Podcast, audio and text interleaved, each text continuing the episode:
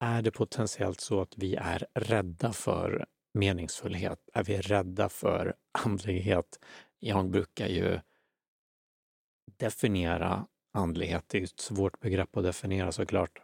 Det är vitt och brett och vad man tänker på skiljer sig väldigt mycket mellan olika personer. Men jag gillar den definitionen därför att det går till vad för mig i alla fall kärnan är och vad kärnan med att vara människa är.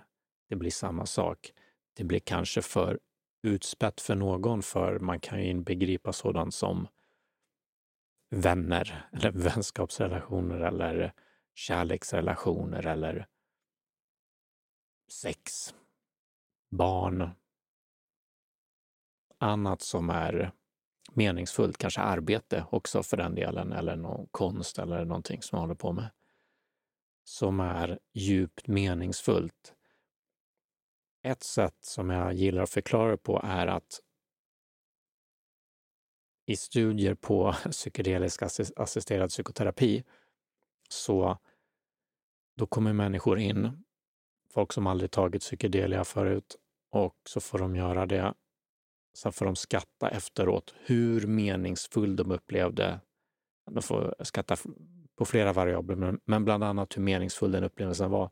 Och vad de sa var att de skattade den i topp tre. En av de tre mest meningsfulla upplevelser de någonsin haft i hela sitt liv. Och de, då har de levt ett, ja men många gånger långt liv. De har gift sig eller blivit ihop med någon, skilt sig, fått barn vissa. De har, ja, det man nu kan ha upplevt i sitt liv som är, mer, som är meningsfullt. Då.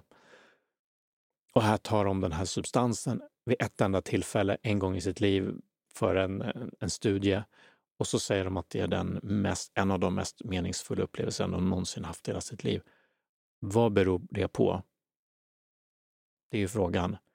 Och tillsammans med det och också här eh, kopplat till vad jag började med, att är det så att vi är rädda för andlighet, är det så att vi är rädda för meningsfullhet, så är det väldigt obagligt många gånger också när, säger folk som tagit då psykedelia i de här studierna, att det är läskigt, omvälvande, men också då djupt meningsfullt. Så det är någonting som händer när någonting rör vid oss. Eller när vi rör vid oss själva eller när vi kommer närmare oss själva, för det är det också som många beskriver är det som händer. Och det är samma sak som händer när människor mediterar kan i alla fall hända. Det är olika beroende på vilken meditation man gör och hur man gör och lite sånt där. Men tanken är inom de här andliga traditionerna i alla fall att inse sin sanna natur, som de säger i många traditioner. Komma i kontakt med Gud i kristna traditioner, eller inse Gud, bli Gud om man får säga så. Det är hädelse, men inse buddha-naturen. Alla de här sakerna och vad säger folk om det sen? Jo, de säger att det är djupt meningsfullt.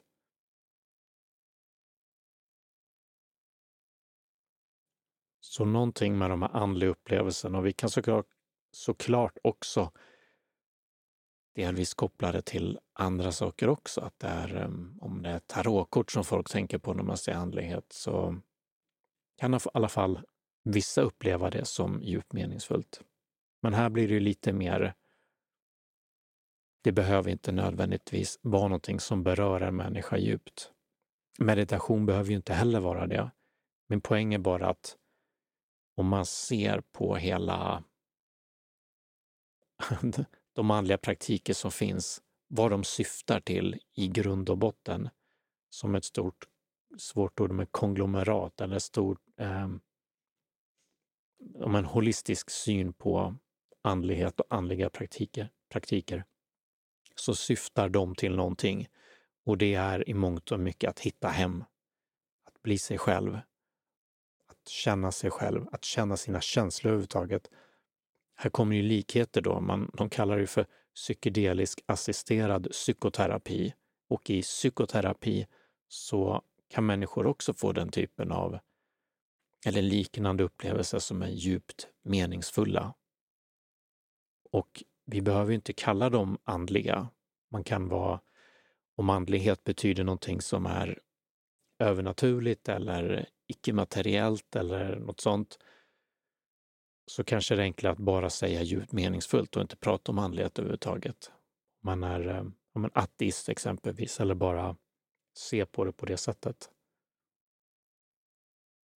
Men någonting gör att vi är, vi är, hur ska man säga, men det gäller ju mig själv också. Djupt meningsfulla upplevelser som jag har haft har många gånger också varit läskiga, obehagliga. Det här att tappa kontrollen.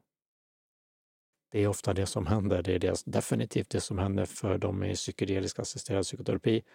Det är det som händer när människor har uppvaknanden många gånger som bara mediterar och gör den typen av andliga praktiker. Tar vi psykoterapi så händer sådant där också. Det kan vara yoga också som kan trigga. Jag kommer ihåg när jag gick på sån här hot yoga. Den hette ju något annat förr för med namnet på den som eh, blev, eh, visade sig inte vara någon bra person. Kommer inte ihåg vad det var, men eh, Bikram va? Bikram, Bikram yoga hette det. Men nu heter det hot yoga tror jag. Jag var på det en gång och Eh, jag kommer ihåg hur eh, en kille bredvid mig började gråta i slutet av, eh, av yogan. Någonting hände, någonting träffade honom. Och jag gissar att å ena sidan lite jobbigt, eventuellt, att gråta när det står 40 personer i en halv bastu. Kanske inte var jobbigt också, vad vet jag hur hans upplevelse var. Men det och kanske jobbigt också att bara känna de känslorna, men också förlösande. Det är det som är att många gånger så är vägen alltid, oftast är vägen alltid igenom. Så om vi har varit med om jobbiga saker, exempelvis barndomen eller i vuxet liv, så hur blir vi av med dem? Ja, ett sätt är ju att dämpa dem på olika sätt. Undvika dem, hitta strategier för att inte känna de känslorna. Dämpa ångest på um, andra sätt. Dricka, göra saker, aktivera oss och sånt. Ta mediciner. Och det är fullt Eh, alltså, det finns inget dömande från mig i alla fall för det, för vi, vi får alla hitta vår, vår väg och det kan vara det perfekta för många i många situationer. Det finns även studier som visar på det att, att ibland vara så här, ja men inte känna så mycket kan ibland vara det mest funktionella för en människa för att fungera i vardagen. Vi kan inte känna allt hela tiden. Någon kanske vill pröva, men för de flesta så funkar inte det. Så vi befinner oss alla på den här gradskalan. Det är lätt att sitta och titta på någon annan som inte vill, eh, citattecken, möta sina problem eller gör någonting åt saken, ska säga. Men vi sitter alla, eller jag, om jag talar för mig själv, har också saker som jag undviker. Definitivt. Varje dag är det grejer som jag tycker är jobbigt och kanske inte vill säga eller någon känsla jag inte vill känna så känner jag den bara inte. Så, så jag Andra kanske inte alls är så, utan känner allt hela tiden. Och då, det är också bra då. Man får, man får vara som man vill, är bara min poäng. Men en annan väg då är genom och det väljer jag ibland att gå också. Om jag gör shamanistiska ceremonier, om jag går in i viss meditation eller meditationsretreat, om man sitter där i en vecka och mediterar tio timmar om dagen, det är att ska man säga, utsätta sig själv vilja gå igenom. Psykoterapi är också det mångt och mycket, eller andra typer av ja, men andra typer av andliga praktiker och andra typer av relationella praktiker som man kan hålla på med. Och det kan också bara göra ett aktivt val. Jag väljer att känna det här nu. Nu väljer jag att inte längre undvika det, utan nu väljer jag att känna det. Och det är det som är vägen igenom, för vi behöver känna igenom det, det jobbiga, verkar det som. Oftast i alla fall. Och i och med att vi känner igenom det så kan vi också släppa det mer. Vi kan behöva göra det hundra gånger eller tusen gånger och samma om det är väldigt jobbiga trauman eller om det är väldigt jobbiga mm, saker som har hänt bara. så kanske det inte räcker med att känna det eller erkänna det en gång, utan vi får göra om och om igen. Men poängen är bara att vi går igenom det då. Vi behöver igenom det då och, och det är läskigt. Så vi är rädda för det. Vi blir rädda för det. Jag blir rädd för det. Man ska tala för mig själv och inte för andra. Och min bild är att de flesta blir rädda för det. Och det är en anledning till att vi är rädda för andlighet och eh, den typen av djupt meningsfulla eh, upplevelser. För vi vet någonstans intuitivt, även utan att vi ens vet vad det är, så känner vi på förhand att, eller människor vet på förhand, och det är nog många gånger med, med all rätt, som om det är jag då eller någon annan väljer att undvika det, väljer att faktiskt inte göra det för att någonting säger mig att eh, du inte är redo för det än. Om jag talar för mig själv då. Så massvis med saker väljer jag bort hela tiden för att min intuition, utan att jag ens vet om det, väljer åt mig att det här är inte du redo för än, utan vi ligger alla där på någon sån här äh, försöker ligga på i alla fall en sån här Goldilock zone, en guldlock zone på svenska. Att det är inte för utmanande, inte för lätt. För är det alldeles för lätt så blir det tråkigt. är det alldeles för utmanande så är det inte kul heller. Då är det för äh, utmanande. Då blir det för överväldigande. Och ibland pendlar vi där lite för mycket. Jag gör det i alla fall. Jag pratar alltid om andra, märker här. Jag gör det ibland. Ibland har jag för tråkigt och då behöver jag lite mer stimulans, jag behöver utmaning och då lever jag upp och sen så inser jag, oj, det här var mer, det var lite mer än vad jag hade tänkt, men ja, men så jag har valt att göra vissa saker i alla fall. Bara för att det är så, någonting i mig drar mig dit. Och definitivt har det varit inom det andliga utforskandet av medvetandet, utforskandet av mig själv, möta mina egna demoner som man säger, läka mina trauman och eh, på så sätt visa mig för mig själv och världen. Och det är också en grej att vi blir i mångt och mycket avklädda, är min, min bild i alla fall, när vi blir eh, oss själva. För då spelar vi inte en roll som vi många gånger sedan uppväxt har lärt oss spela för att passa in, för att inte bli straffade, för att det finns förväntningar på det och sådant. Och det är tryggt. Men inte så kul. Omvänt, att äh, göra det motsatta är, är lite mer utmanande, men det blir läskigt också. Och det är för mig, det är verkligen andlighet. Det är verkligen det här att kanske mycket det som inte kanske får, så, kanske det som många kan, eventuellt inte tänker när man säger andlighet. Man frågar folk på stan exempelvis, vad är andlighet? Så säger nog många att ja, men, eh, mediumskap kanske, prata med döda släktingar, tarotkort och så. Vilket är en del. Och där också får vi, ser vi verkligen att eh, för människor så kan det vara verkligen djupt meningsfullt. Det här att komma i eh, kontakt med andra sidan och att det finns den världen, vetskapen om att det inte bara är det här, det här lite tråkiga då igen som kan bli, utan vi har någonting magiskt. Bara kolla på alla Netflix-serier eh, och filmer eller överhuvudtaget som finns. Hur många som är, har minst ett stråk av magi i dem och övernaturliga krafter och sånt uppenbarligen så är människor väldigt intresserade av det och tycker om det och mår bra av det och finner det meningsfullt och ehm, ja, om inte annat underhållande.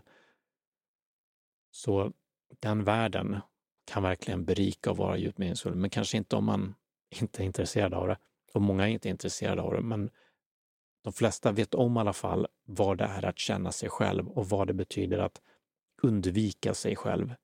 Och där behöver vi inte klä det i de här äh, andliga termerna, även om jag i mitt huvud, i min terminologi, så tänker jag som sagt på andlighet som djup meningsfullhet. Så om jag skulle prata med någon som är ateist äh, och antagligen ingen som lyssnar på det här då.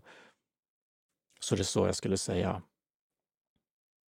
Det är när man känner å, vad säger man, eh, när man tittar häpnad, vördnad, man känner vördnad inför någonting eller någonting är häpnadsväckande på ett positivt sätt. Den typen av känsla som är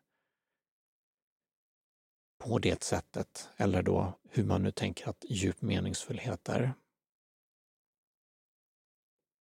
Och igen då, poängen var att vi är, eh, jag är rädd för det, säger jag igen. Jag är rädd för djup meningsfullhet, även om jag också söker det.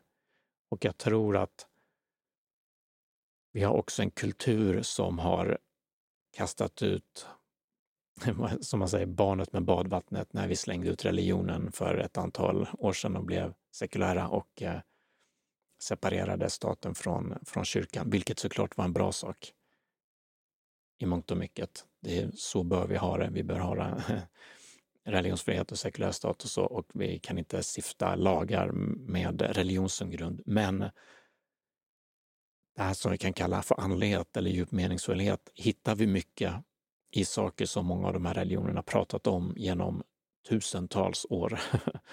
så att eh, slänga ut det så gör vi nog en otjänst, eh, tror jag. Och där har det inte bara blivit att vi är rädda för, utan även som de skrev, eller Maria Stadell var det som skrev i mitt eh, kommentarsfält, att eh, det förlöjligas också. Utöver att vi är rädda för och undviker det så förlöjligar, förlöjligar vi människor som faktiskt är sig själva, gör de här sakerna. Det är inte att alla måste gå på snippbastu eller att tycka att det är helt oproblematiskt eller mm, normalt. Det kan man förstå att någon tycker är märkligt, men det är ett förlöjligande av att hitta någonting överhuvudtaget i de här alternativa praktikerna, eller vad, vad vi ska kalla det. Ja, jag stannar där. Tack.